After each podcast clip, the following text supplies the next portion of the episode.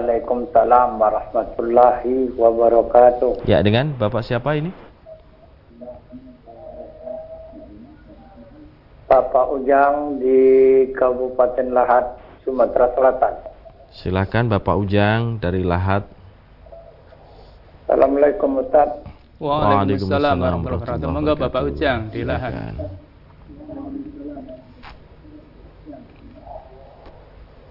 Ini yang yang saya tanyakan surat Al-Maidah ayat 5 itu tolong dijelaskan. Ya. Maksud orang-orang yang sesat itu. Maksud orang-orang yang sesat. Itu aja Pak Ustaz. Ye.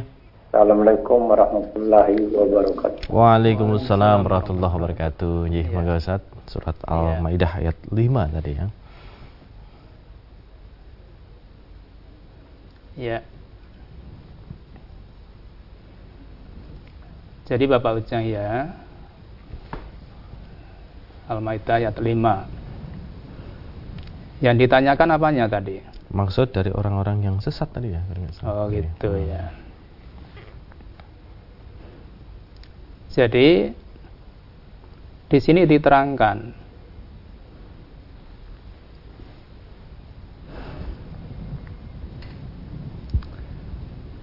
Al-yawma uhilal lakum tayyibat. Pada hari ini dihalalkan bagimu yang baik-baik. Wa ta'amul ladzina utul kitaba hilul lakum. Dan makanan bagi ahli kitab itu dari ahli kitab itu halal untuk orang Islam. Wa ta'amukum hilul lahum dan makanan kalian orang Islam halal buat mereka.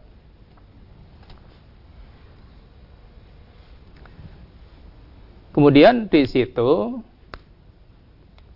dan seterusnya tadi yang ditanyakan kan tentang orang-orang yang sesat.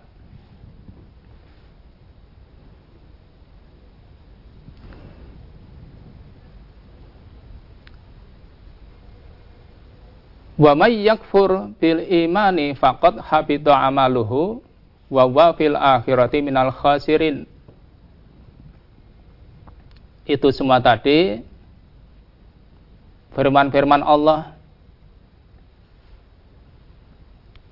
Maka kalau itu semua dikufuri,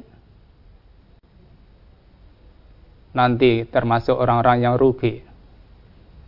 Jadi di situ faqat habitat amaluhu.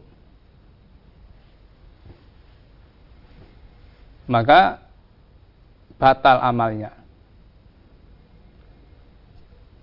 Jadi di situ tidak ada kata-kata sesat. Maka yang penting kita dari ayat ini kita yakini seperti itu Jadi tentang makanan ahli kitab halal bagi orang Islam. Makanan orang Islam halal bagi mereka.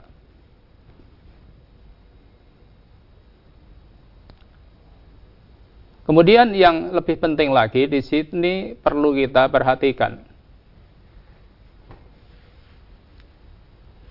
Firman-firman Allah ini mendidik pada kita.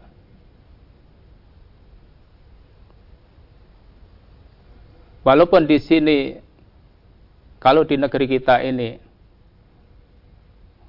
terutama dalam hal makanan, sangat banyak sekali. Sangat banyak sekali. Maka kalau kita umat Islam, ya cari sembelian-sembelian yang disembelih oleh orang Islam Kalau di negeri-negeri yang barangkali di situ terpaksa harus memakan sembilan orang ahli kitab, ya nggak ada masalah. Kalau di negeri kita di Indonesia ini nggak ada masalah.